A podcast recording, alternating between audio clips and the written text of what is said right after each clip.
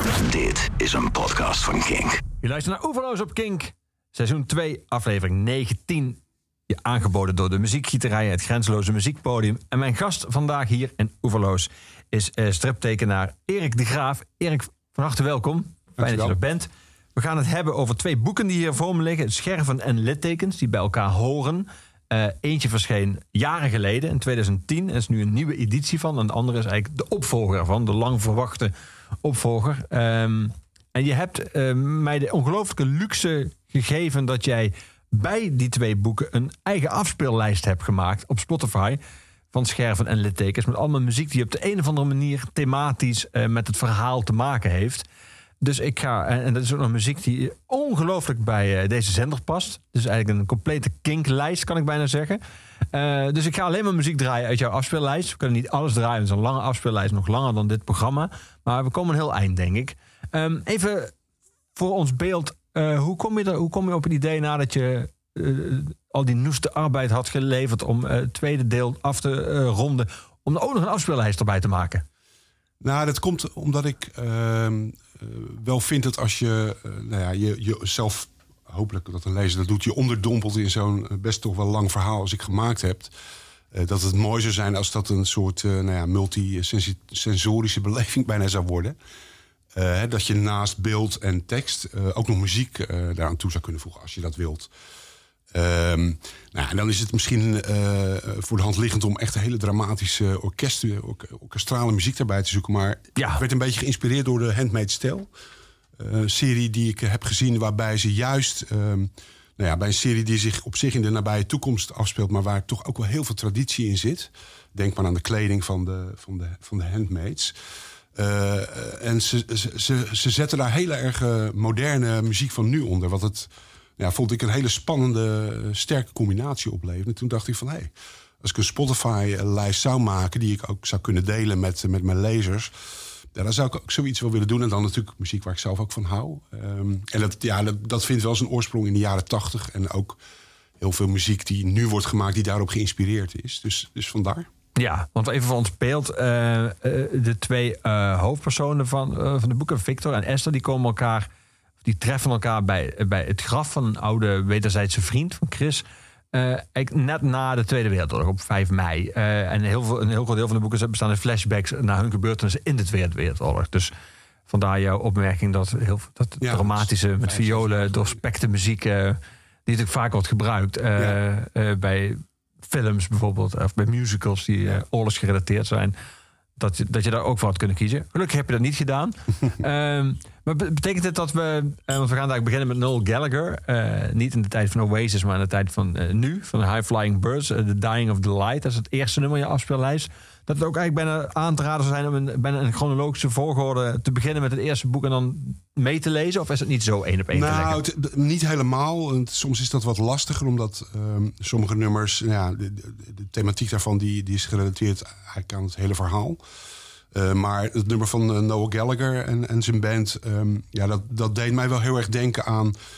toen ik terug ging lezen over die periode in Nederland... Uh, het, het, bijna naïvige en ongerepte wat het land toen kende. Hè, want, voor de oorlog bedoel je? Voor de, de oorlog, oorlog, ja, voordat de oorlog hier uitbrak. in, in 39, daarvoor zelfs nog. Ja, het, was eigenlijk een heel rustig land... met wel een economische crisis die nog door sudderde. Maar iedereen dacht dat het zo'n vaart niet zou lopen. En dat, dat Nederland was neutraal. Dus nou, die oorlog ging wel aan onze neus voorbij. En dat, ja, dat bijna terugkijken naar die, die, die tijd met eh, inderdaad The Dying of the Light. Eh, mooie, het vlakke land met, met zijn mooie natuur. Dat, dat voelde ik wel heel erg in het nummer van Noah Gallagher. Eh, en vandaar dat ik, uh, ja, dat wel passend vond. Ja, gaan we die als eerste draaien. Gaan we daarmee beginnen. Dying of the Light van Noah Gallagher's High Flying Birds.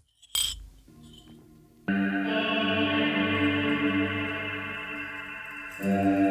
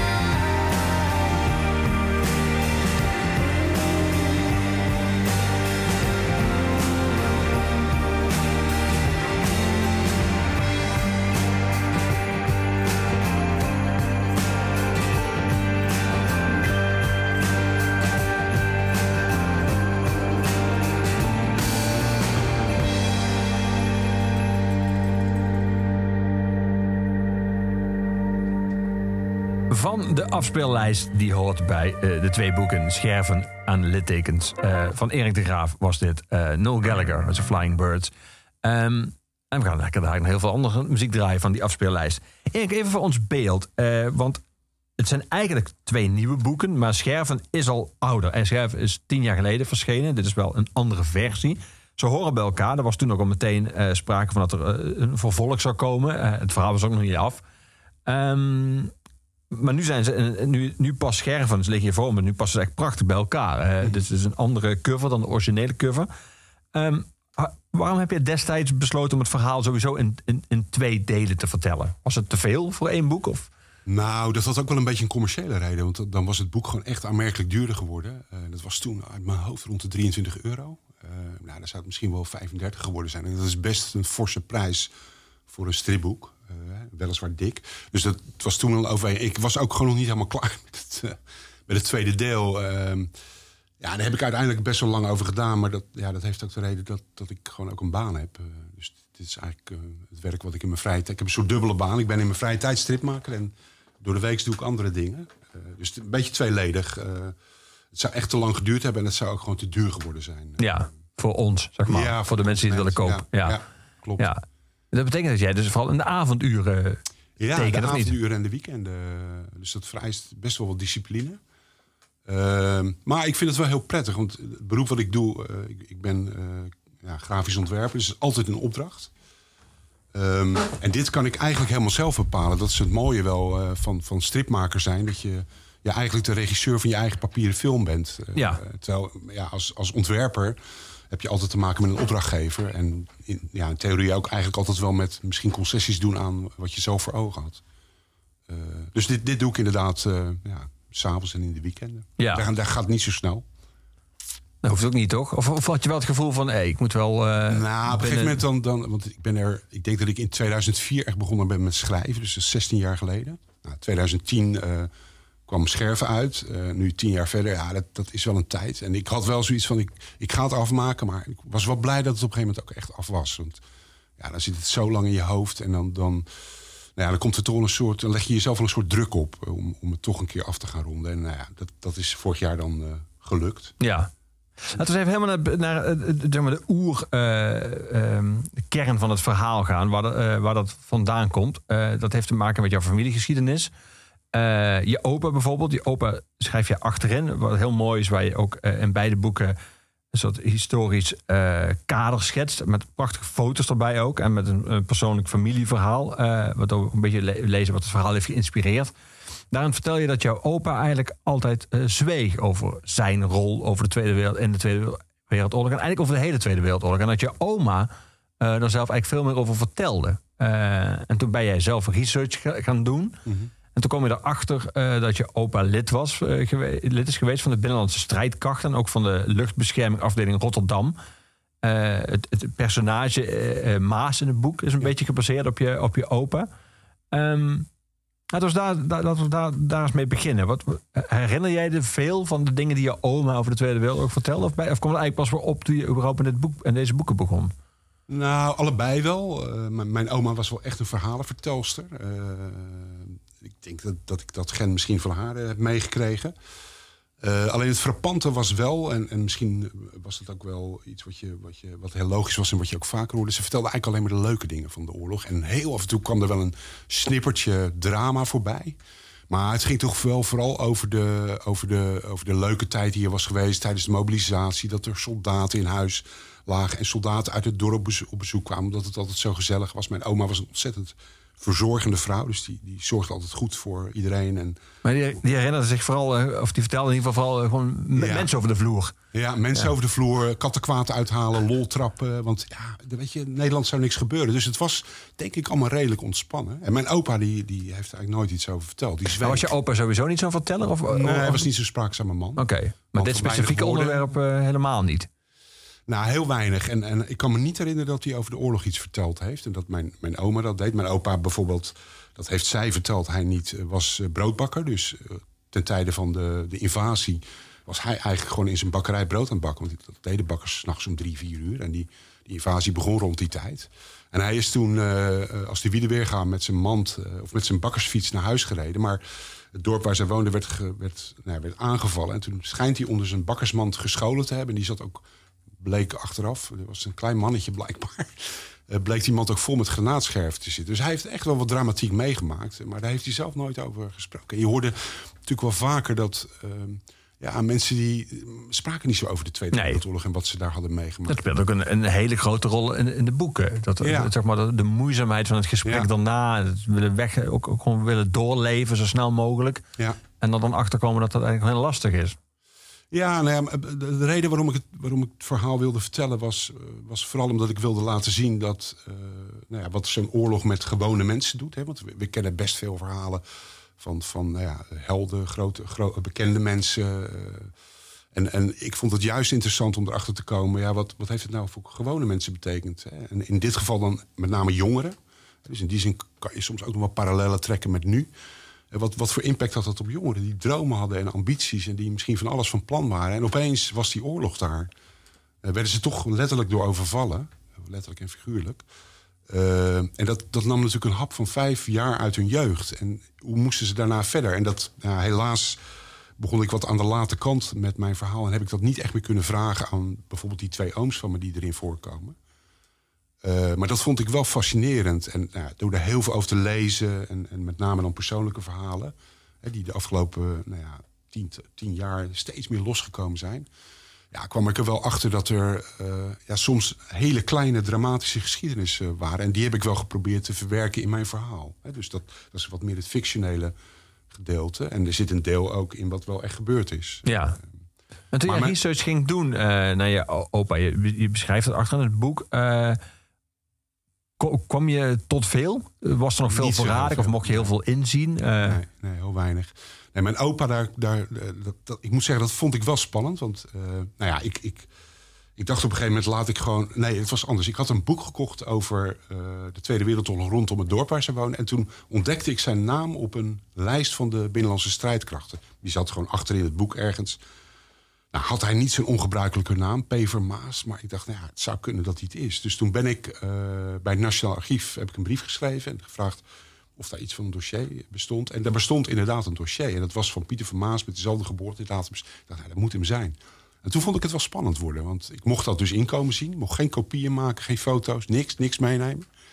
Ja, toen was het eigenlijk niet meer dan een, eh, een, een uitschrijflijst dat hij daarbij had gezeten. Ehm, dus ik ben eigenlijk daar niet zo heel veel wijzer van geworden. Eh, dus ik heb, ik heb daar zelf wel een beetje iets omheen eh, bedacht zonder dat te groot te maken. Want ik wilde ook niet overdrijven. En ik dacht van, nou, weet je, als hij iets gedaan heeft, is dat waarschijnlijk niet heel veel geweest. Aan de andere kant, mijn, mijn, een van mijn ooms, die heeft echt wel, eh, ja, die is wel behoorlijk bezig geweest in de, in, de, in, de, in de oorlog. En die heeft ook heel veel opgeschreven.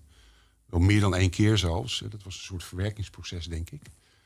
En daar heb ik wel dingen uit kunnen halen die ik ook echt letterlijk in mijn verhaal, eh, van beide ooms overigens, letterlijk in mijn verhaal heb kunnen verwerken. ja. En ook daar zie je dan wel, als je er goed over nadenkt, dingen, dingen dat je denkt, ja, jeetje, ja, zo ging dat dus. Je was net getrouwd en je had twee kogels bij je om eh, voor het geval, eh, je zat in het verzet en voor het geval er een inval zou komen, dat je ja, jezelf en je vrouw in, andersom qua volgorde om het leven kon brengen. En daar dachten ze dus over na. En het, ja, dat lijkt iets kleins, maar als je erover nadenkt, is dat natuurlijk best wel heftig. ja, heel heftig. Ja. En die kogels die, die heb ik ook teruggevonden via mijn neef. Die had hij bewaard. Had hij in een zakje altijd onder zijn bed liggen of bij zich. Dus dat, ja, dat soort dingen kwam ik achter. En die, ja, daarmee wilde ik wel laten zien eh, ja, wat dat dus kon betekenen voor jonge mensen, jonge gezinnen, getrouwde, Ja. getrouwde stellen, verliefde stellen. En, en daar zijn Esther en Victor eigenlijk de personificaties van. ja. Maar bijvoorbeeld zo'n neef van jou die dan die kogels bleek te hebben bewaard. Was je erachter gekomen als je niet met dat boek was bezig geweest? Was dat Nee, ooit ter sprake nee, geworden? nee, gekomen? Nee, nee, nee, nee, nee, dat was niet te sprake gekomen. Ik heb op een gegeven moment contact met hem gezocht, omdat ik eh, bij het eerste boek eh, heb ik hem uitgenodigd voor de boekpresentatie. En Ja, vertelde tien jaar geleden. Ja. Ja, en toen vertelde hij dat hij nog een hele doos met spullen van zijn vader had staan. En ik zei, ik mag daar een keer inkijken. En toen ben ik langs gegaan. En daar bleek heel veel fotomateriaal, documenten, mappen waar hij inderdaad zijn eigen oorlogsverhaal... maar ook niet heel erg in detail, toch. Je voelde wel dat daar wel van alles gebeurd was. Maar het bleef redelijk aan de oppervlakte. Ja. Ik heb toen ook wel aan hem gevraagd... heb je wel eens vermoeden gehad dat hij bijvoorbeeld mensen heeft moeten doden. Maar zegt, dat weet ik niet, daar praten die niet over. Dus, bijvoorbeeld als, als je dan uit dagboeken citeert ze achterin eh, van Gijs van Dam, die houdt een dagboek bij van de eerste vijf oorlogsdagen in eh, mei 1940. En die beschrijft eh, hoe de vierde batterij snel wordt uitgeschakeld. Dat is heel, ja, dat is heel bijna soort van zakelijk en heel, eh, Ja. heel feitelijk. En Ja, heel, heel nuchter. Daar staat niet een soort van eh, emotie in of angst. boosheid eh, of frustratie Nee, niks. of angst. Nee, nee, nee, nee, dat vond ik ook vrij onbegrijpelijk. Terwijl ik me toch kan voorstellen, dat waren jongens van rond de twintig... eh, dat, je, ja, dat je toch gewoon ook heel erg bang bent. En dat, dat heb ik wel geprobeerd in het boek in te brengen. Ja, op het moment dat zo'n zo'n leger met parachutisten en, en vliegtuigen... en noem het allemaal maar op, je aanvalt. Ja. En je hebt een, een afweergeschut wat één keer schiet en dan is het klaar. ja. Hij zegt wel, ik had altijd vrees, ik had land eraan gehad om compleet gewapend rond te lopen, maar nu wilde ik wel. Maar dat is dan ook wel het hoogtepunt van de het emotie. Ja, precies. Ja, ja. Ja. We gaan muziek draaien. We gaan, eh, ze staan allebei in jouw afspeellijst van eh, scherven en littekens. Eh, en toevallig, ik ga ze achter elkaar draaien, zijn er twee artiesten die wij deze week herdacht hebben. Eh, omdat het eh, in, ieder geval 40 jaar geleden en ander jaar veel minder geleden was dat ze overleden. Ik heb het over Ian Curtis van Joy Division en over Chris Cornell van Soundgarden en daarna van Audio Slave. Ehm, laten we even die twee nummers inleiden voor we ze achter elkaar eh, draaien. Om te beginnen, Joy Division, dat Walk in Line. Wa- waarom, wat is je associatie daar bij dat nummer, bij het thema van je boeken?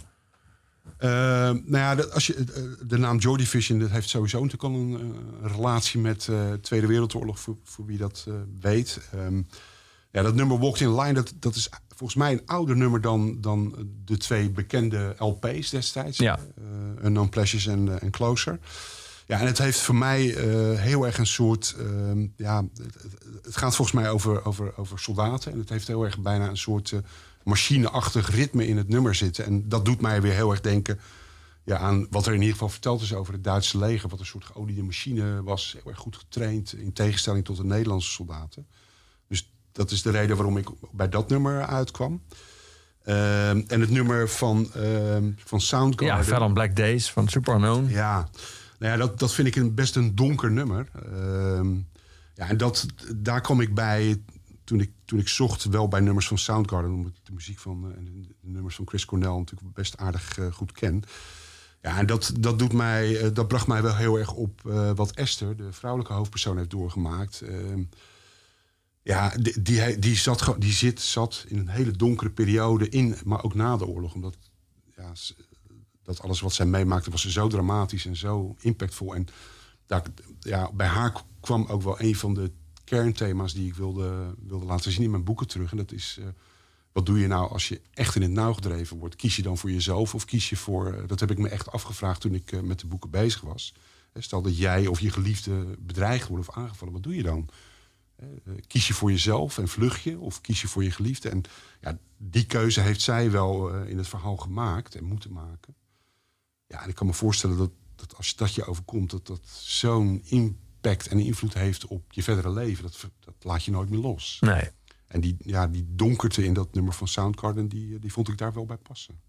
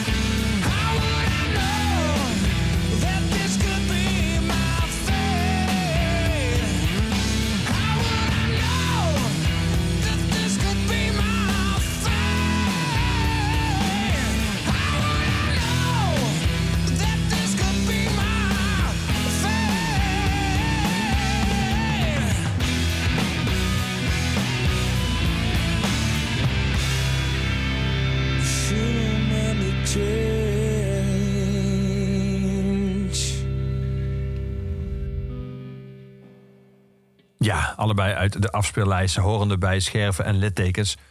Wat een bas, denk je bij het eerste nummer. En wat een stem, denk je bij het tweede nummer. Uh, Chris Cornell van Soundgarden, Fell on Black Days. Uh, je schrijft in het uh, nawoord, of eigenlijk, is meer dan een nawoord, een, een duiding met, met hele mooie foto's erbij en ander archiefmateriaal van, van Scherven. over het leven het Smitshoek gedurende de, het daaropvolgende oorlogsjaar heeft mijn oma mij nooit veel verteld. Ik heb er ook niet naar gevraagd. Af, achteraf gezien jammer. Had er vast spannende en mooie verhalen over kunnen vertellen. Waarschijnlijk heeft ze met haar kleine gezinnetje vooral geprobeerd te overleven en geholpen waar ze helpen kon. En daarna wilde ze die vijf zwarte jaren zo snel mogelijk vergeten. Dat idee van het vergeten, maar ook sommige dingen nog moeten bespreken, dat loopt al als een rode draad eh, door, door, door, door beide boeken. Um, welke thema's wilde jij? Je, je noemde net al één. Je zei dat thema van wat doe je als het er echt, uh, als je leven wordt bedreigd, als je in zo'n situatie komt, waar kies je dan voor? Maar had jij een soort lijstje met onderwerpen die jij vond dat je sowieso wilde aanraken in, in beide boeken? Ja, dat, dat gaat. Volgens mij is dat een beetje organisch gegaan. Ik, ik wilde. De reden waarom ik ooit dat verhaal wilde gaan vertellen over hè, wat doet zo'n oorlog nou met gewone mensen, dat, dat vond eigenlijk zijn oorsprong in een stuk wat ik volgens mij eind jaren negentig las in de, ik denk in de Volkskrant over de, de oorlog in voormalig Joegoslavië. Mm waar eh, door het conflict wat daar toen was, uh, ja, mensen die tot dan toe als vrienden of hele goede buren met elkaar samen hadden geleefd, elkaar uit begonnen te moorden. En toen ik, dat, toen ik daarover nadacht, toen kwam eigenlijk het idee nou ja, om zoiets te gaan vertellen, maar dan in iets wat, wat dichter lag bij mij. Dat, nou ja, dat was nu eenmaal de Tweede Wereldoorlog, doordat ik er zelf op school mee opgegroeid was. Mijn oma er veel over vertelde. Ja, en zo, zo is langzamerhand wel het verhaal ontstaan en het idee daarover. En nou ja, de thematiek eh, was dus inderdaad, hè, uh, uh, nou ja, eigenlijk een aantal dingen, die keuzes. Uh, wat voor keuzes maak je als je echt in het nauw gedreven wordt? Het andere was, ehm, het is heel makkelijk om te oordelen over zoiets als een oorlog in goed en fout, maar vaak ligt het veel genuanceerder. Mm -hmm. En, en, en door die keuzes die gemaakt zijn, vaak gedwongen, heb je heel veel grijswaardes. en je kan niet indelen, zoals kort na de oorlog wel gebeurde in, in goed en fout. En een andere was wel uh, ja, met name over het verlies van een aantal dingen. Dus het letterlijke verlies van mensen van wie je hield, maar ook het, het verlies van een toekomstperspectief, het verlies van idealen, uh, het verlies van dromen. Uh, ja, wat met name dan gold voor de. ja, natuurlijk wel voor iedereen, maar zeker ook voor jongere mensen die ja, eind jaren dertig het gevoel hadden dat er misschien nog een hele toekomst voor ze lag. En, en die zo overhoop gegooid werd door die vijf jaar die daarna kwamen. Dus, dus, dat, dat waren eigenlijk wel een beetje de, de thema's. Die ook al schrijvend en tekenend aan het boek ja, zich, zich aan mezelf openbaarden. Want sommige dingen gaan ook niet altijd heel erg bewust, uh, moet, ik, moet ik zeggen. Mhm. dus. Je zegt, um, als je nu terugblikt, uh, dan moet je constateren dat er dat vooral grijstinten waren. Dat goed en fout termen zijn waar je niet mee uit de voeten kan. Bedoel je daarmee dat er ook grijstinten waren of zijn ze alleen maar? Want als je iemand die bij de NSB zat, die was eigenlijk gewoon fout. Iemand die in het verzet zat, was eigenlijk goed. Dat zijn op zich wel de, de overzichtelijke flanken. Er speelt zich heel veel daartussenin. Uh, maar het, is niet, het lijkt me niet zo dat er niet, helemaal niet zoiets is als duidelijk goed en fout. Ja, maar ik denk dat, dat hè, het heel goed kan zijn dat de reden waarom zo iemand bij de NSB ging, uh, er wel voor zorgde dat het toch wat grijzer werd. Ik denk ook dat uh, bijvoorbeeld uh, dat je misschien in eerste instantie denkt... iemand die in het verzet was, nou, die was echt goed. Maar er is ook een gerede kans dat hij misschien toch een paar dingen heeft gedaan... waarvan je dacht, oei, dat is misschien niet zo heel erg oké. Uh, ja, ik zeg maar wat iemand uh, misschien om het leven brengen... die zich niet meer kon verdedigen of, of nou ja, dat soort dingen. En ik heb wel willen laten zien aan, aan ja, in het, of door het verhaal heen... dat je natuurlijk in eerste instantie kan denken van... nou, dat was een held, of die was goed, of die heeft het slecht gedaan... Uh, maar dat uh, ja, daaronder toch nog heel veel te, te vinden en te ontdekken is. Ja. Wat dat wel iets meer nuanceert. En dan is de uitkomst misschien nog steeds wel van nou, overwegend goed. Maar het is niet zo. Kijk, Lou de Jong, hè, die, ja. die, na de Tweede Wereldoorlog. Uh, nou, de, de geschiedschrijving over de ja, Tweede, Tweede Een beetje ons nationaal geweten als het gaat over de historie van ja, de Tweede Die was wel in die eerste jaren heel erg van uh, het goed, fout en het zwart-wit. En dat is door de decennia heen is dat steeds genuanceerder komen te liggen. Nou ja, je ziet het nu natuurlijk ook wel in. in uh, ja, wat Nederland bijvoorbeeld uh, vertelt, oh, de excuses die aangeboden worden aan uh, Indonesië, om maar ja. even iets te noemen. Dat, dat was misschien 30 jaar geleden ondenkbaar geweest. Ja, dat denken staat niet stil, bedoel je? En, ja, dat gaat wel het door. ook. Ja, ja, en ik vond dat ook wel, nou ja. Ik, ik, heb heel lang, ik heb vanaf mijn jongste jeugd wel veel gelezen over de Tweede Wereldoorlog. Dus ik ben daar ook wel in meegegaan. En op een gegeven moment ontdekte ik inderdaad ook wel dat, uh, ja, dat het wel genuanceerder lag. Het, ik las bijvoorbeeld op een gegeven moment uh, een boek waarin stond dat zelfs Joodse mensen Joodse mensen aangaven bij de Duitsers. Ja. Omdat ze er geld voor kregen. En dat was puur omdat ja, zij zelf daardoor konden overleven. Want ja. werden ze opgepakt. Ja, natuurlijk ook de Joodse Raad. Uh... Ja, wat natuurlijk ook niet helemaal oké okay gevonden werd. Hè, met, met, met, ja, pas later. Dus ja, het is niet zo eenvoudig om dat, om, om, om dat zo allemaal te kunnen verklaren. Het, het, zit gewoon echt wel complex in elkaar, merk ik. Dus is ook een beetje met ja, oordeel niet te snel. Dat is misschien ook wel, niet om nou moralistisch te zijn... maar ook wel wat ik, wat ik tegen mezelf moest zeggen. Want, ja, ik, ik heb ook Soldaat van Oranje gezien en ik besefte ook pas, hè, ik was toen nog vrij jong, een kind nog. Maar ik beste, besefte pas veel later dat dat natuurlijk ontzettend geromantiseerd was. En, en sterker nog, uh, recent las ik dat ongeveer de helft wat in, die, in dat verhaal verteld wordt, heeft hij helemaal niet zelf gedaan of meegemaakt.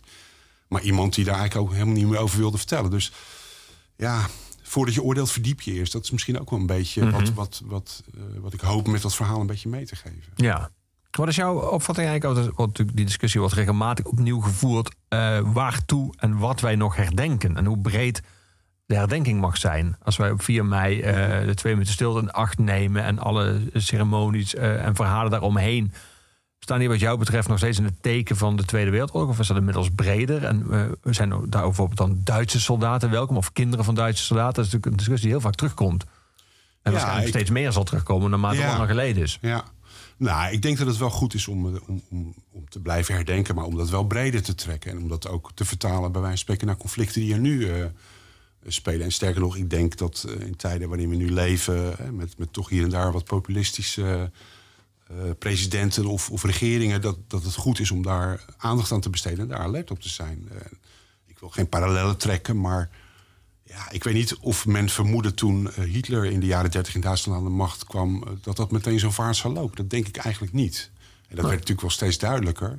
Dus ik denk dat het altijd goed is om waakzaam te, te zijn. En ik vind ook niet dat je de kinderen, uh, ja, de, de, de, generatie nu in Duitsland moet nadragen wat hun grootouders misschien hebben gedaan.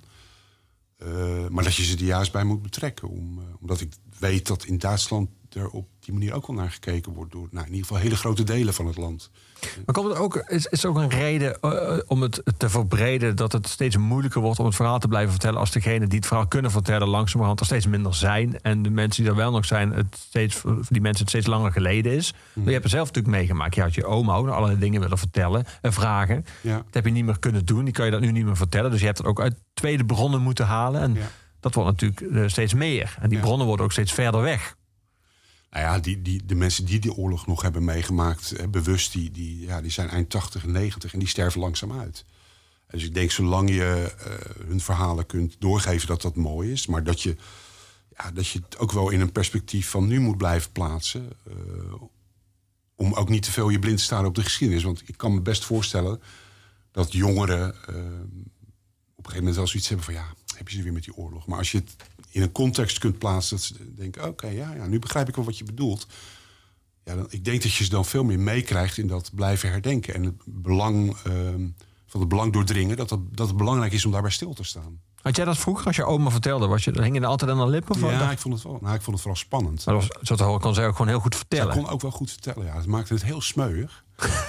uh, Maar ik vond het ook gewoon wel spannend. Ja. Uh, en ik was nog niet zo heel bewust bezig met, met, met wat die oorlog nou echt voor impact had gehad. In ieder geval niet toen ik uh, nog een klein jongetje was. Nee. Dat is eigenlijk pas veel later gekomen. En ja, ook toen ik me bijvoorbeeld meer ging verdiepen in, uh, in wat zij hadden meegemaakt.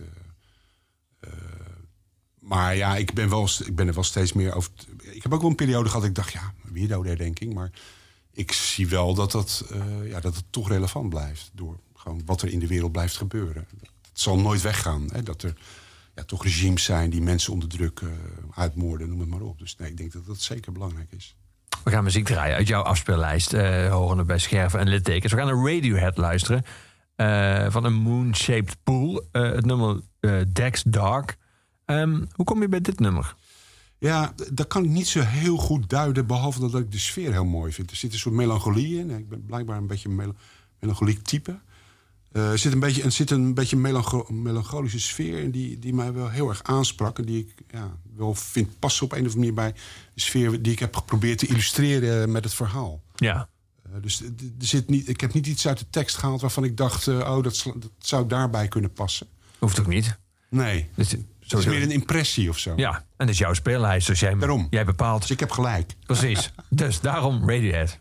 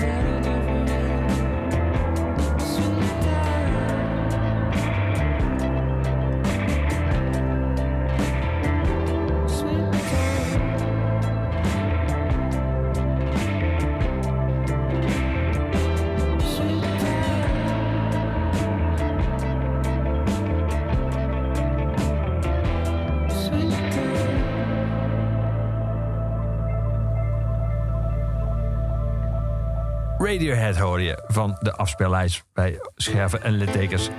Je gaat voor de nummer. Dat heb je vast een voorproefje gehad van Tuxedo Moon. Die gaan we dadelijk draaien. In a manner of, a of speaking. Ehm Erik, je had het net over eh, als je je boeken werkt. Als ik dan schrijf en teken. eh, is dat de volgorde? Ja, ik heb, hier wel, ik heb hier wel eerst het scenario vrijwel helemaal geschreven. Eh, omdat ik... eh, ja, ik heb toch wel behoefte aan een structuur... om te weten waar ik begin en waar ik uitkom. En natuurlijk onderweg verandert er dan nog wel eens iets. Het enige waar ik heel lang mee heb gewacht... is het einde van het verhaal. Omdat ik daar, daar twijfelde ik over. Ik twijfel heel erg over... eh, want het is, nou ja, het, het is denk ik niet een verhaal... eh, waar je heel erg vrolijk van wordt. Nee. Ehm, hoewel er best, denk ik, ook eh, af en toe humor in zit en leuke dingen. Maar ik twijfel er heel lang over, ja, wil ik het somber laten eindigen... of wil ik toch iets van hoop eh, achterlaten? En nou, ja, dat, dat heb ik echt, nou, ik zal niet zeggen tot het laatste moment... maar wel heel lang heb ik daarover getwijfeld en op, ja, op die twee gedachten gehinkt. Nou, uiteindelijk heb ik, voor, heb ik voor een van de twee gekozen. En eh, ja, Ja. dat, eh, dat was de hoop. Ik toch wel iets van hoop wilde, ja, wilde door laten schemeren. Hè. Dat, dat natuurlijk zo'n periode onwijs zwaar is en verschrikkelijk veel impact heeft. Maar dat kon dus ook. Je kon tot het laatste moment daar... eh, die keuze kon je tot het laatste moment bewa- ja, bewaren. ja, want ik wist, ik wist wel dat, eh, nou ja, dat het verhaal zou eindigen eh, met Esther en Victor weer bij elkaar. Ja. En, en die hebben dan elkaar echt alles verteld. Wat ze in die, in die periode van vijf jaar hebben nou ja, door moeten maken, meegemaakt, keuzes die ze hebben gemaakt. Ja, en dan komt er natuurlijk een moment, hè, want ze hadden een relatie met elkaar. Ze, Ja. waren, ze waren elkaars geliefden voor de oorlog. Totdat nou ja, Victor aan het front ging vechten en Esther onderdook. Ja, dat is Ja, gro- eh, ja, een van de grote vragen was natuurlijk... eh, eh, hoe gaat het dan verder eh, aan het eind? En nou ja, dat moeten mensen dan zelf maar ontdekken. Ja. Eh, maar daar heb ik wel iets van hoop nog in geprobeerd te brengen. Omdat ik, ja, ik wilde het ook, ja, dat wilde ik toch wel graag. Dat er iets van licht weer naar die hele duistere periode zou zijn... eh, richting de toekomst. Mhm. Nu lijkt het lastig eh, als je een eh, boek schrijft in twee delen... eh, en daar zit ook nog wel tijd tussen... dat je misschien tot nieuwe inzichten bent gekomen... die je van deel niet meer kan opvolgen... omdat het, het fundament ligt al vast. Er is al het eerste boek, Ja. er is al scherven. Dus je kan niet meer loskomen van wat je zelf hebt neergelegd. Ja, nou ja, dat klopt wel. Want ik heb inderdaad... ehm, ik wilde, nou ja, gedurende die tijd dat ik ermee bezig was... dus echt dik tien jaar is geweest, of nou langer, 15, 16 jaar is geweest... ben ik inderdaad ook in die familiegeschiedenis dingen, heb ik dingen ontdekt die ik toch ook wilde verwerken. Dus het was wel heel erg zoeken naar wat kan nog wel, wat kan nog niet. Hè? Wat klopt er nog met eh, wat er al in het eerste boek is gebeurd. Dat was af en toe wel een puzzel. eh, maar uiteindelijk is dat wel gelukt. Ik heb wel eh, daarvoor in het tweede boek, toen ik daar al best ver mee was, wel weer een aantal scènes hertekend. Omdat het anders ja, kwam ik daar niet mee uit. Dus nee, maar dat, dat klopt. Ik wist wel de grote lijn van, van het hele verhaal van de twee boeken. Maar de exacte invulling en wie wat wanneer deed en zo, dat, daar heb ik nog wel mee, eh, mee gespeeld en in veranderd. Eh, maar ja, dat is, daar ben je niet helemaal vrij meer in. Dat klopt. Nee. Want het eerste boek, ja, daar heb je, al een, heb je met een paar dingen al de toon gezet. Dan moet ik me voorstellen dat eh, Esther bijvoorbeeld... dat zij een soort samenballing is van allemaal mensen... waar je over gelezen hebt. Eh, Oké. Ja, wat ik, nou ja, wat ik zei, ik, ik ben me natuurlijk heel erg gaan verdiepen. En met name ook in persoonlijke verhalen. Nou ja, daar, daar kwam ik dingen tegen die ik niet wist. Hè. Ik wil niet zeggen dat ik nou zoveel over de Tweede Wereldoorlog eh, wist. Maar bijvoorbeeld, ik noemde dat laatst ook als voorbeeld... het feit dat er best wel een grote groep eh, Joodse mensen... al voor het begin van de oorlog en ook meteen na het uitbreken van de oorlog... vooral in de buurt, in, in Amsterdam in de buurt daarvan zelfmoord pleegden... omdat ze van familie of horen zeggen wist wat er in Duitsland al gaande was. Ja. Ja, dat vond ik best schokkend. Dus dat is een aspect wat ik, eh, wat ik bijvoorbeeld heb verwerkt. Ehm, ja, zo zijn er door het boek... eh, eh, er zit bijvoorbeeld ergens in het tweede deel ook eh, een, een, soort, ja, een soort moordcommando van ex-SS'ers... die Ja. gegoede Nederlanders om het leven brachten. Dat was ook een vrij onbekend verhaal.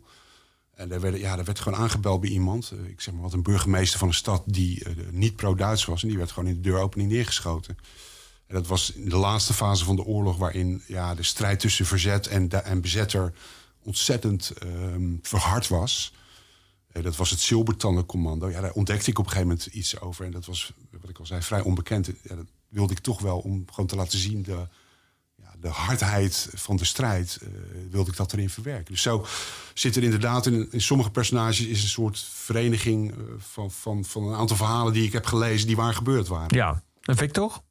De andere hoofdpersoon? Ja, dat is, dat, dat, dat, dat is ook nog steeds iets wat in mijn hoofd. Ik denk dat daar ook een deel van mijzelf in zit. Eh, het, is, het is ook een deel van, van mijn, een van mijn ooms. Maar bijvoorbeeld Victor, daar zie je aan dat het een soort diesel is die traag op gang komt. Eh, hij is eigenlijk na de overgave van het Nederlandse leger, waarin hij dus ook een van de soldaten was, is hij eigenlijk vrij apathisch. Eh, weet hij eigenlijk niet zo goed wat hij moet. En pas op een gegeven moment, eh, als hij zich realiseert wat er echt aan de hand is... en als hij ziet wat er gebeurt nou, met Esther, wat er is gebeurd met zijn beste vriend... Ja, begint hij eigenlijk een beetje te radicaliseren. Hè? Dus in die zin eh, zou je daar ook weer een parallel kunnen trekken naar, naar het nu. Hè? De, de onderdrukker zorgt er eigenlijk voor dat hij, steeds kwader en bozer en gefrustreerder wordt... en dat hij eh, ja, toch het verzet of het heft in eigen hand probeert te nemen... en iets wil gaan doen. Hij, ja, hij barst bijna uit zijn voegen op een bepaald moment van de adrenaline. Alleen dat duurt wel even. Dat, nou, dat herken ik wel van mezelf. Ik, ik ben soms een beetje een slow starter. Ik heb ook heel laat gedebuteerd als stripmaker. Ehm, maar ja, als ik dan eenmaal op gang ben, dan, eh, dan komt er ook wel iets. Ja, ja. Dus er zitten ook wel, denk ik, bepaalde aspecten van, eh, van hem, eh, van mijzelf in, in zijn personage. Dus dat is ook wel een beetje een combinatie van mijn oom, mezelf. misschien ook verhalen die ik gelezen heb, dat weet je nooit helemaal precies. Ehm, ja, en zo, nou ja, dat allemaal in een pot gegooid, geroerd en eh, ja, komt dan een verhaal ja.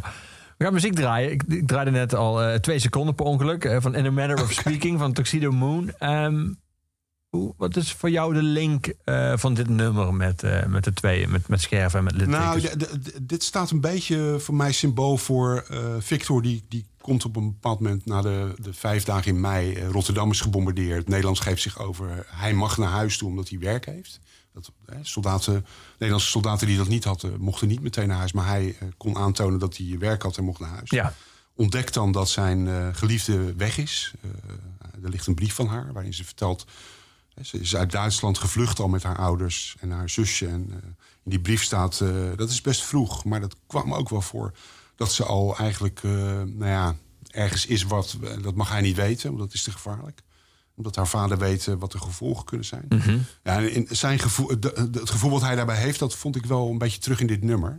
Ja, het is een soort verbeten, verbeten nummer van Tuxedo Moon. Eh, ooit nog live gezien, heel lang geleden. Waar? Ja, in Rotterdam volgens mij in de Lantaarn of zo. Die toen nog bestond. Was het goed? Ja, was wel goed, ja. ja. Vond ik wel goed. Ja, en ik vind dit een van hun mooiste nummers eh, in, in A Manner of Speaking. Ja, hier zijn ze. Tuxedo Moon.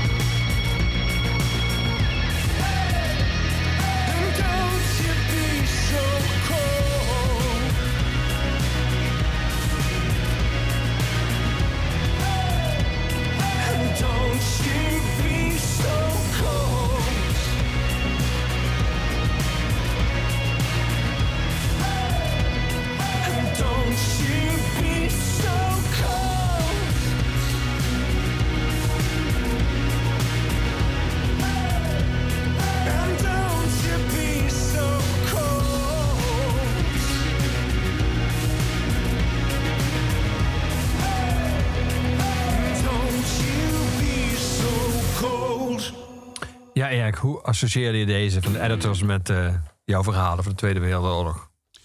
Ehm, nou, deze is eigenlijk een beetje gelinkt aan ehm, de eerste dag, het eind daarvan. Eh, het, boek speelt zich, of het verhaal speelt zich eigenlijk af over, over twee dagen... waarin Victor, Victor en Esther elkaar zien. Ja. En aan het eind van die eerste dag vraagt Victor eigenlijk aan Esther om haar verhaal te vertellen. En dan verkilt eigenlijk de sfeer. Eh, en, en dan blijkt gewoon dat dat haast niet, nou, dat het bijna niet gaat. Dat ze dat eigenlijk niet wil en dat dat heel moeilijk is om over te praten. En dan neemt ze heel snel afscheid. En ja, dan voel je letterlijk de, de kilte over eh, de dag die op zich best, eh, ja, best heel ja, sensitief is geweest. voel, je eigenlijk vallen. Dus dat, ja, daar vond ik dit nummer wel mooi bij passen. Ja. Hoe vond je om Hitler te tekenen? Nou, het ging me eigenlijk heel makkelijk af, gek genoeg. Hij heeft natuurlijk zo'n karakteristieke... Ik had het nooit eerder gedaan. Ja, het is raar. eh, eh, maar de manier en de, de, de scène waarin die zit eh, is ook alweer oké. Maar ik vond het eigenlijk niet zo heel moeilijk om hem eh, eigenlijk heel herkenbaar te krijgen. Het, waarschijnlijk als je er een foto naast eh, houdt... Dan, dan zullen er best wel eh, dingen in zitten die niet zo lijken. Maar het, het was mij vrij makkelijk om hem eh, te karakteriseren. Ja. Heeft ook wel, zeg maar, snor en kapsel helpen ook wel. Dan. Nou ja, dat, dat zie je aan dat, ene, dat boekomslag. eh, Ja. wat, eh, ik ken even de titel niet van het boek, maar dat is eigenlijk alleen maar dat. Ja, ik ben weer daar. Ja, ja, dat, ja, ja. Ook verfilmd. Ja. Ja. Ome Non is een belangrijke man voor het verzet. Hij heeft veel goed werk gedaan, maar hij is, de- was- hij is gepakt door de moffen. Waarschijnlijk is hij verlinkt. Het probleem is dat hij veel weet, te veel. Morgen wordt hij overgebracht naar Scheveningen. Maar dat gaan wij, dat gaan wij voorkomen. De moffen vertrekken om zes uur. Wij wachten op langs de dijk. Zo wordt het plan ontvouwd. Eh, eh, ehm, hoe lastig vond jij het om de taal en de taalgebruik ook, moffen... eh, en gewoon, überhaupt Mm. gewoon de manier waarop je denkt dat er toen werd gepraat... om dat te vangen? Nou, wat ik me wel had voorgenomen, ehm, was om het niet te gekunsteld te laten maken. Waar, waar ik soms een beetje moeite, want ik lees best veel strips, waar ik soms wel moeite mee heb, is dat ik het, het zijn vaak spreekballonnen, Ja, ja. en dat ik soms de taal in die spreekballonnen lees, en ik denk, ja, dat zegt iemand zo niet. Dus ik, ik heb juist heel erg geprobeerd om het heel erg gewone mensentaal te laten zijn. Ja. Ik, ja, ik denk dat die op die manier daar wel over praten. Dus eh, vooral niet te geconstrueerd. eh, proberen literaire, prachtige volzinnen te maken. Er zit af en toe misschien best een uitspraak in eh, waar je, waarvan je denkt, zo, nou, mooi gezegd.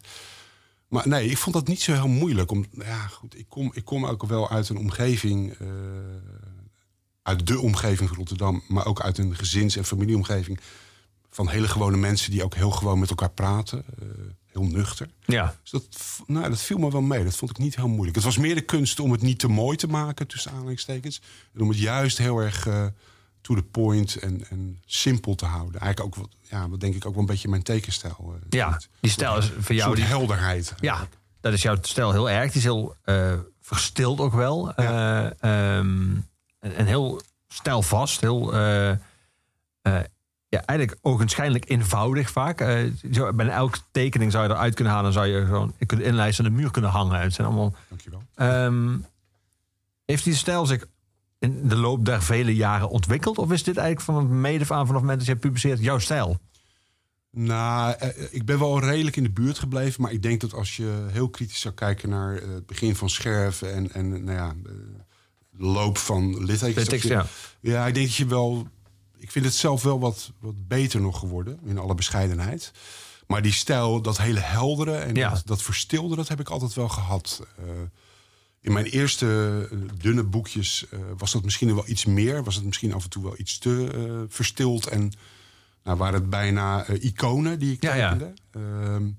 En daar, eh, ja, daar, daar kwam ook wel wat kritiek op destijds. En daar heb ik toen wel van ged- gedacht, ja, ik moet dat wat meer afwisselen. Moet- Want wat, wat is daar het nadeel van? Ik, ik zou me kunnen voorstellen, in een, als je een soort dynamiek wil in een scène... dat dat dan juist weer ingewikkelder is. Ja, dat is wel lastig. Ja, daar heb ik wel echt mijn best voor moeten doen. En, eh, ja, het blijft. eh, ik bedoel, ik ben duidelijk geïnspireerd door, eh, door, door nou, tekenaars van de klare lijn, zoals Joost Zwart. Joost maar Zwart, ook, ja. eh, eh, eh, de, de, de atoomstijl, zoals ze dat noemen in eh, Frankrijk en België, van, eh, van eh, Yves Chaland en Franquin. Eh, maar wel in een wat verstildere vorm. Dus ja, het is, de dynamiek erin zoeken, dat is best lastig. Dat, daar moet je toch wel echt je best voor doen omdat het nou eenmaal, het is niet super realistisch. Dus je hebt niet heel veel hulpmiddelen. Het is toch een beetje de kunst van het weglaten ook Ja, wel. ja. Eh, je hebt niet heel veel hulpmiddelen om dynamiek aan te brengen. Dus het moet dan wel in de tekening zelf... of nou, hoogstens hier en daar een bewegingsstreepje. Ja. Maar veel meer dan dat is het niet.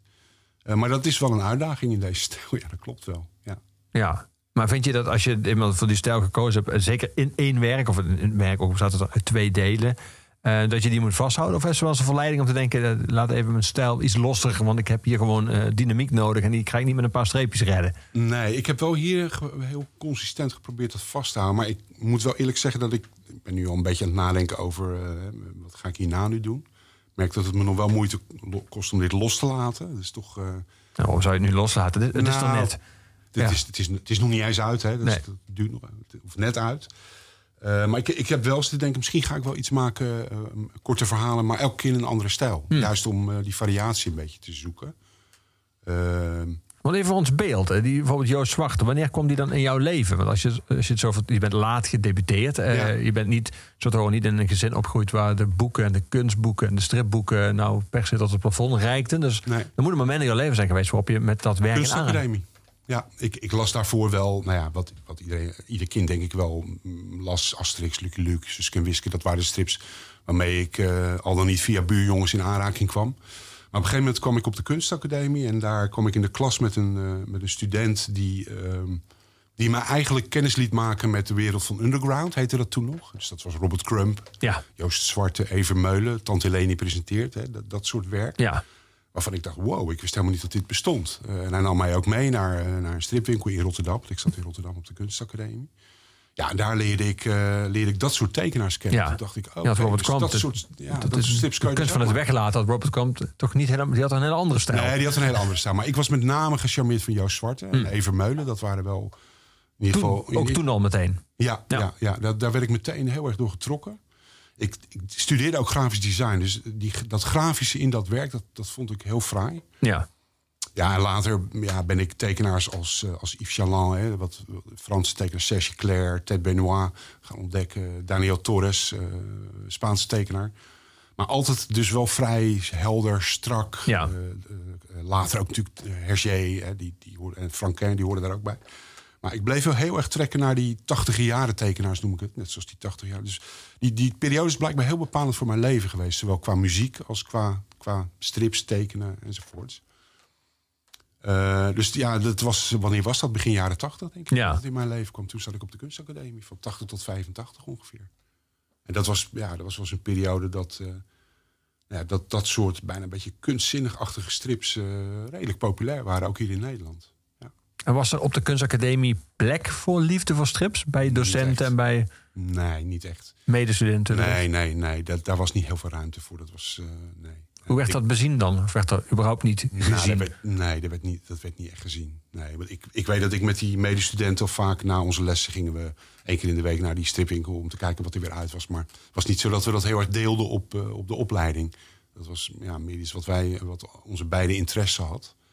Nee, op de kunstacademie, eh, ik, ik deed naast grafisch design ook advertising. Nou, dat was veel, dat was, dat vonden ze veel te commercieel.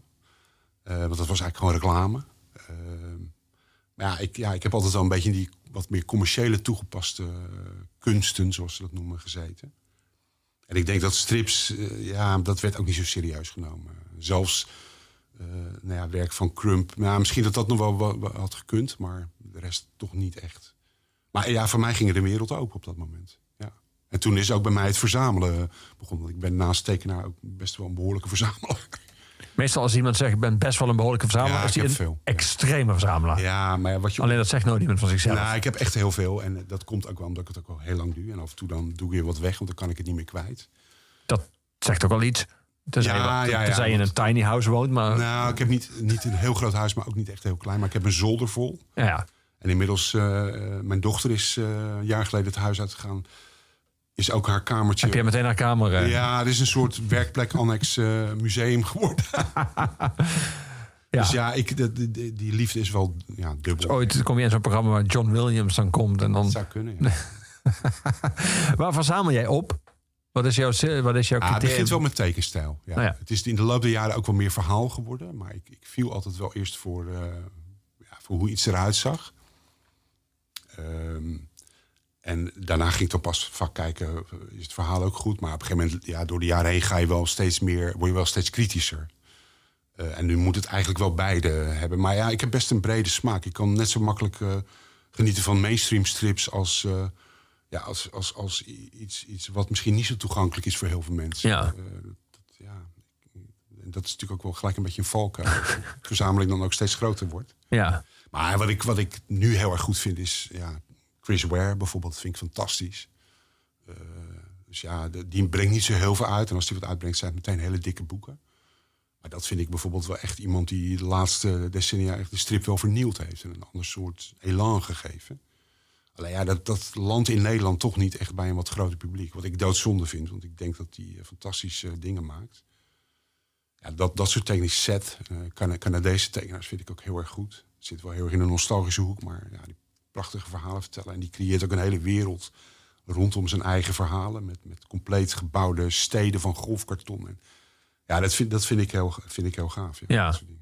ja, en ik hou nog steeds heel erg een liefde voor Yves Chaland. Dat is wel echt... eh, de oude denk- liefde die niet roest. Ja, ik denk dat dat wel echt eh, de, de, de, de- voor mij de inspiratiebron Ja. was... om op een gegeven moment ook Zo- zelf te de gaan tekenen. oervader. Zo. Ja, ja, ja, dat vind ik echt. Maar goed, helaas, hij is niet meer onder ons, al heel lang.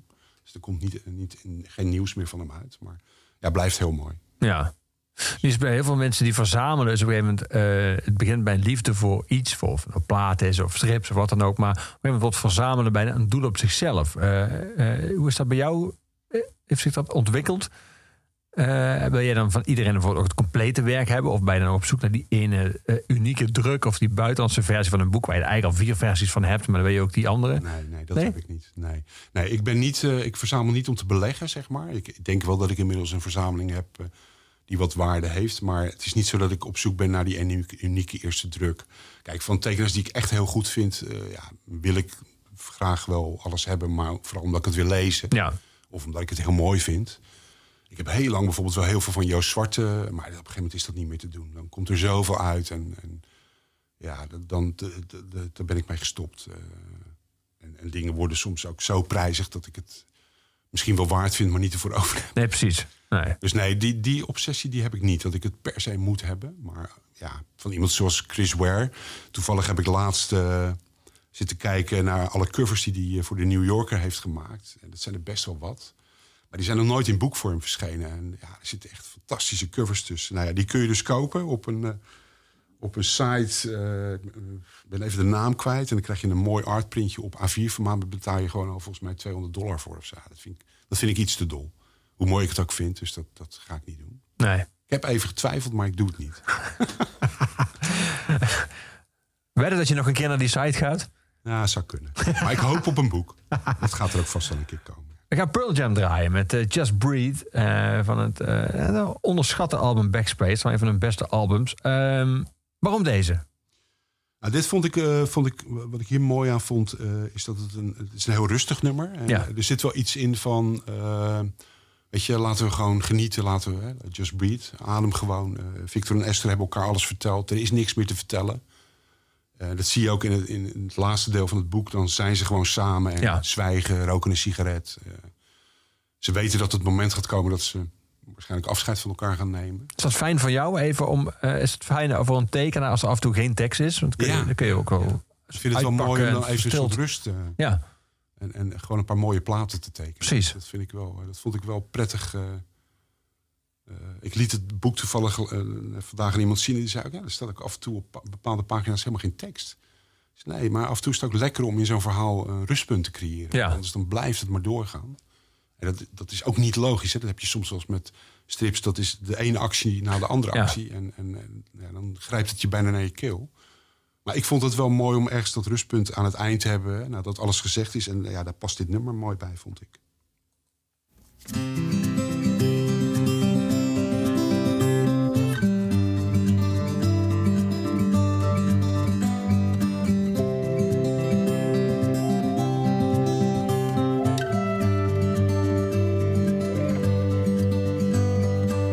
Yes, I understand that every life must end. Uh-huh.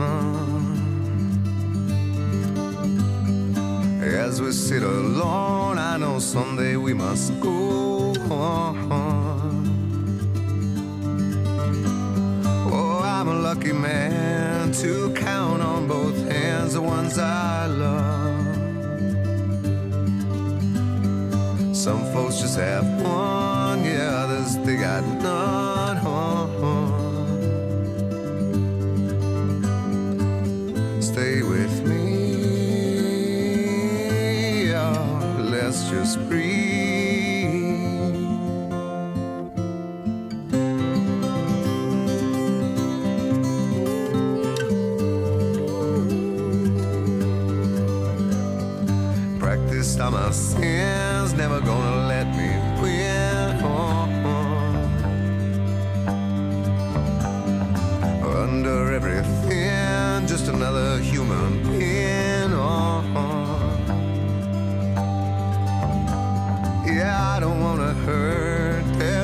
Much in this world to make me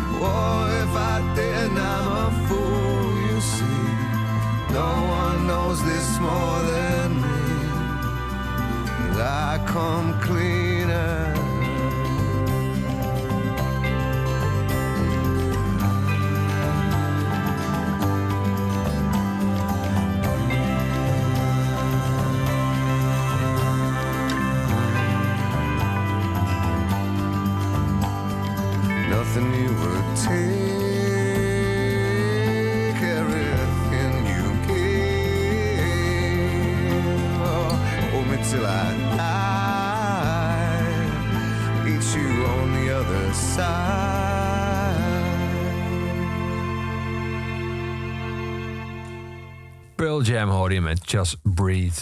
Van, eh, de afspeellijst Scherven en littekens eh, van Erik de Graaf. Mijn gast vandaag in Oeverloos. Horende bij, eh, bij de boeken.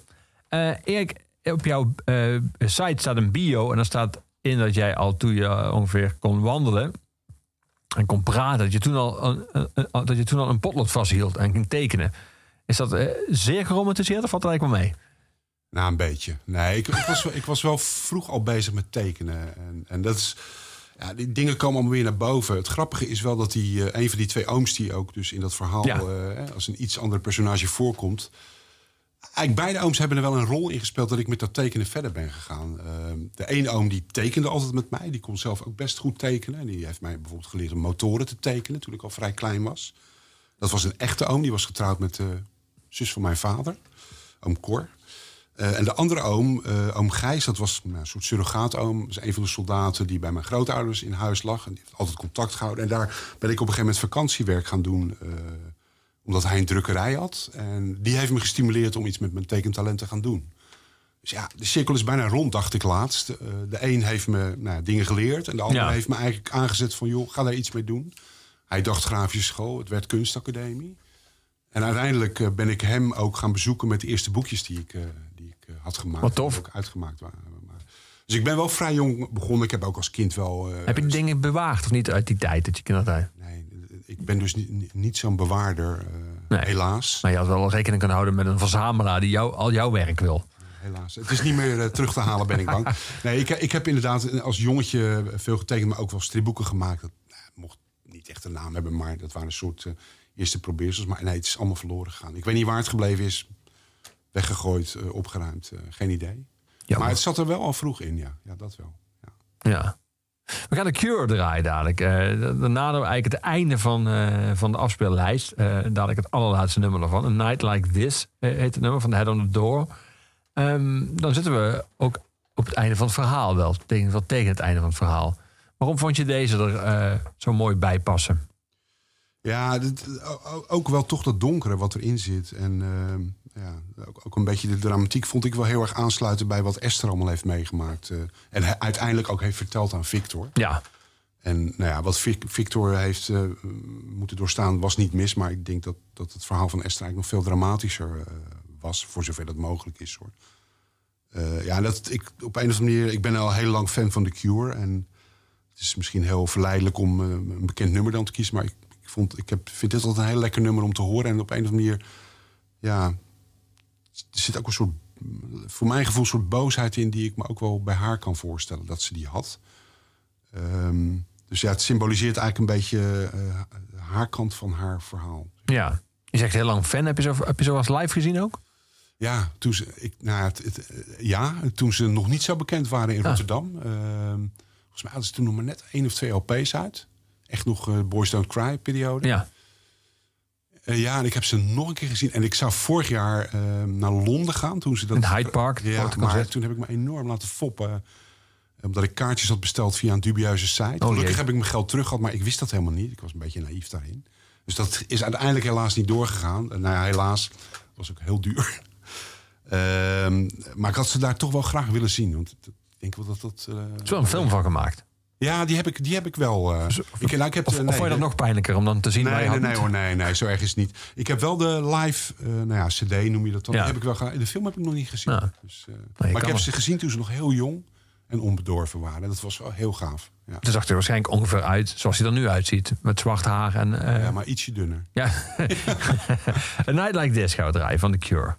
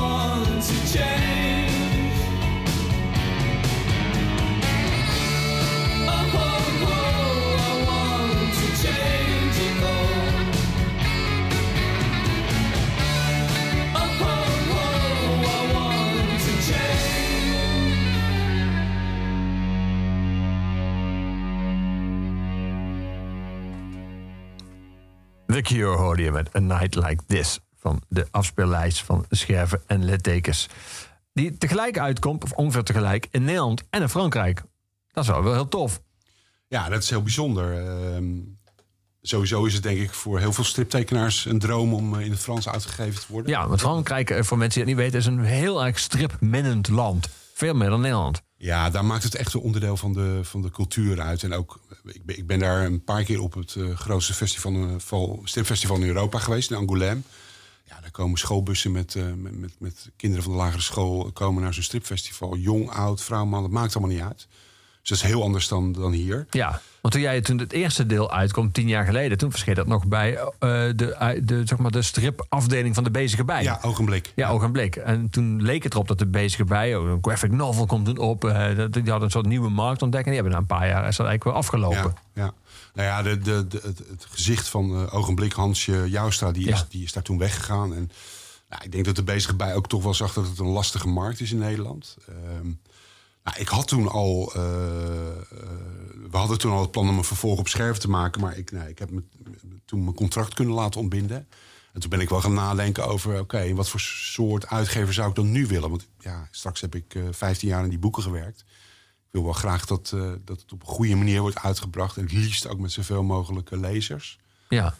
En toen heb ik eigenlijk advies gevraagd aan mijn grote held van vroeger, Joost Zwarte. Waar ik inmiddels niet meer aan het tafeltje stond voor een handtekening van hem, maar af en toe wel eens contact mee had. ja.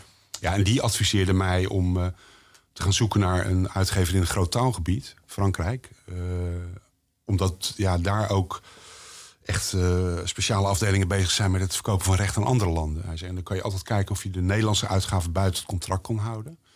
Nou, uiteindelijk ben ik via hem in contact gekomen met Dupuis, wat een hele grote stripuitgever is. En die wilde eigenlijk wel de boeken in beide talen uitgeven. En, en nou ja, door daar slim mee om te gaan kun je dan ook productiekosten combineren. En, en zo is het eigenlijk gebeurd. Dus eh, ja, dankzij eh Joost Zwarte ben ik... Alweer. Ben ik eh, eh, de tweede keer dat hij heel bepalend was in mijn leven... ben ik bij Dupuis terechtgekomen. En eh, nou ja, eh, verschijnen ze nou, nu dan eh, in Nederland... Ja. En, na de zomer in ja. eh, Frankrijk. Ja, Tof. dus dat is wel, eh, is wel heel gaaf, ja. Ja. Ik ben heel benieuwd. Nu, nu zei net iets over het kl- stripklimaat in Nederland. Nu, eh, eh, enkele maanden geleden was Amy de Jong, jouw collega, hier eh, te gast. Ook striptekenaar van Taxi.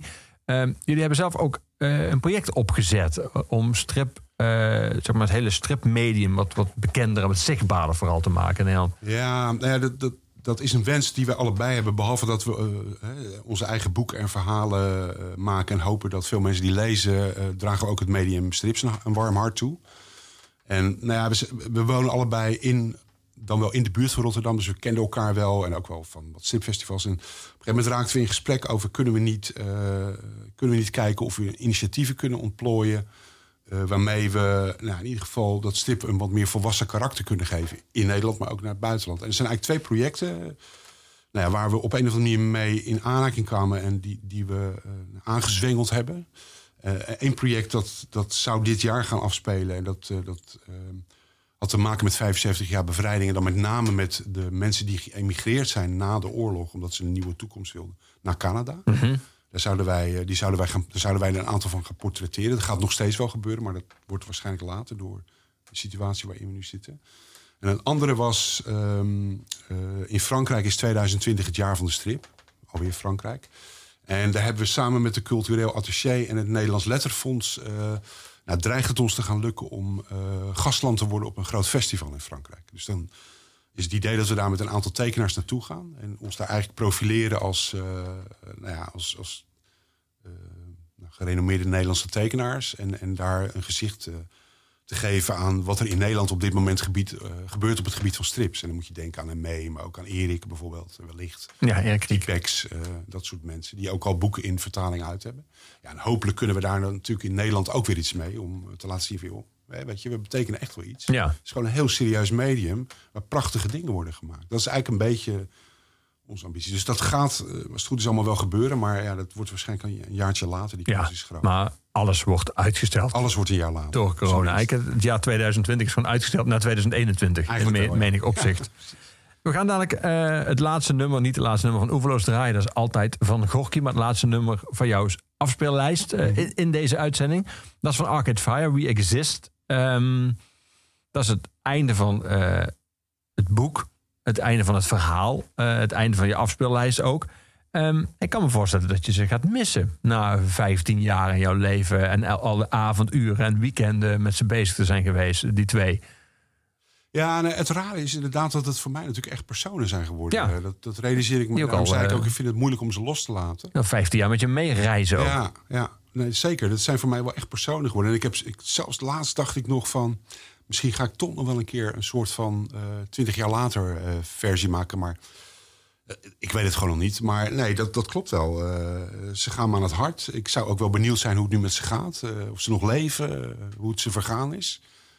Eh, maar dat is natuurlijk helemaal niet zo, want dat zijn papieren pers- persoonlijkheden. Ehm, maar ja, ik, ik, ik, ik merk, eh, ik, ik ben nog bezig bijvoorbeeld om illustraties te maken, omdat ik misschien nog ga exposeren in het najaar. Ik merk dat ik het lastig vind om, eh, om het helemaal los te laten. Dus eh nou, het eh, wordt een soort afkik, eh, een soort afkikperiode heb ik, denk ik, voor de boeg. Ja, ja. Nee, je kan in ieder geval, het boek komt dadelijk na de zomer in Frankrijk uit. Ja. Je kan er veel nog over praten. Een expositie, ze, leven natuurlijk nog verder. En, ze zijn op de wereld losgelaten nu. Ja, opnieuw. nee, opnieuw. Ja. Ehm, en dit nummer van Arcade Fire, van Reflector, het nummer We Exist. Waarom vond je dit zo mooi passen bij het einde? Nou, wat ik al eerder in de uitzending zei, ehm, ik heb heel lang getwijfeld over wat voor soort einde moet er nou ja, aan het er verhaal wat hoop in eh, moest komen, of niet. Of, Ja, en ik wilde, ik wilde toch wel iets van hoop bieden. Want nou, ondanks alles wat er gebeurd is en nou, de littekens die het, die het heeft nagelaten bij de twee hoofdpersonen en ook, ook de andere personages die nog in leven zijn uit het boek, uit de boeken. eh, ja, ze, ze zijn er nog wel. En, en ze gaan verder, ze moeten verder. Ze weten nog niet precies hoe. Het heeft tijd nodig. Eh, maar ze bestaan nog. En dat, dat vond ik ja, een soort die soort kracht en hoop, die wilde ik toch wel laten, laten voelen in het boek. En die vind ik ook heel erg terug in dat nummer van Arcade Fire. Er zit een ontzettende energie in. Eh, nou ja, en die uitspraak We Exist, dat- is gewoon letterlijk wat er aan de hand is. eh, wat, wat, er, wat er zit in het, aan het eind van het verhaal. Dus vandaar.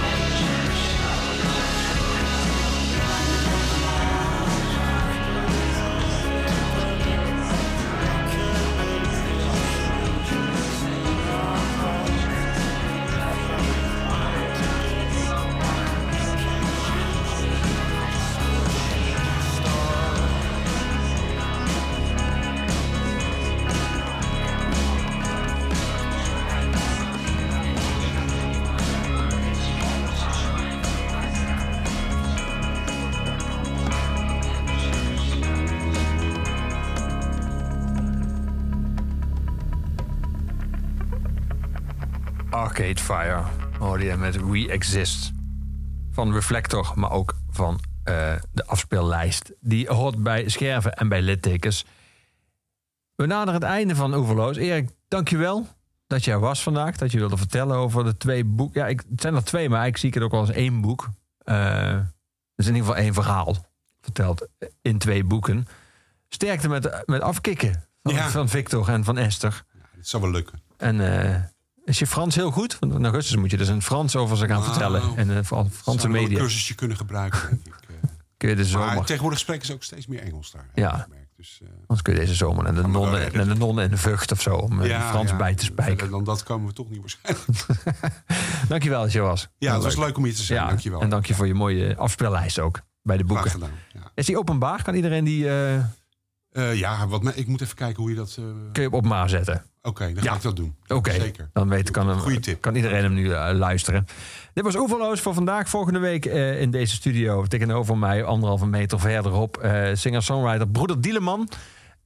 En dit programma werd jou aangeboden door de Muziekgieterij, het grenzeloze muziekpodium. Je kan Oeverloos altijd tot een einde der dagen via je streamingplatform luisteren of via de Kink site en de Kink app. En het laatste woord van iedere Oeverloos is aan onze huisdichter postuum, aan Luc de Vos van Gorky. En met welk nummer beter dan dit zou ik deze Oeverloos eh, kunnen afsluiten? Hier is Gorky met Ooit was ik een soldaat.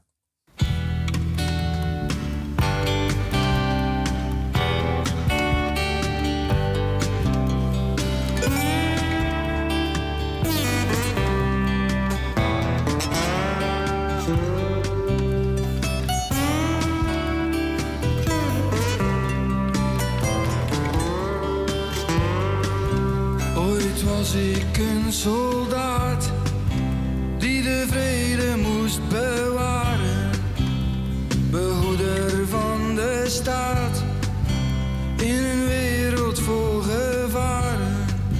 In de sneeuw stond ik op wacht, ik dacht aan de kantine en die ademloze nacht bij de brave hoer Martine. Ik ging naar haar huis, ik moest niet veel betalen. Rond haar hals droeg zij een kruis, als een schild tegen vandalen. Zij vroeg wat kan ik doen, om mijn jongen te behagen. Ik kreeg van haar een zoen. Toen durfde ik het vragen,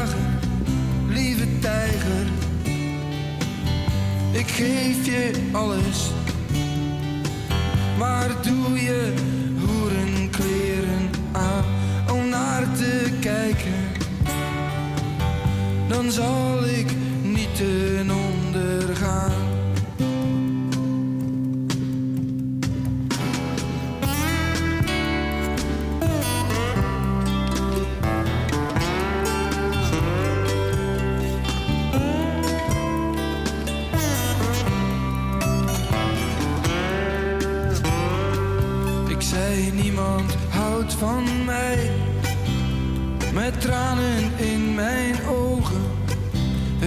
Schuld van de maatschappij. Ik werd door iedereen bedrogen. Toen ik een jongen was, wou niemand met mij spelen. Ik was de laatste van de klas. Daarom ga ik naar bordelen. Zij zong voor mij een lied van de vergeving van de zonde. Zij bluste mijn verdriet en likte aan mijn wonden. Lieve tijger, ik geef je alles, maar doe je hoerenkleren aan om naar te kijken dan zal ik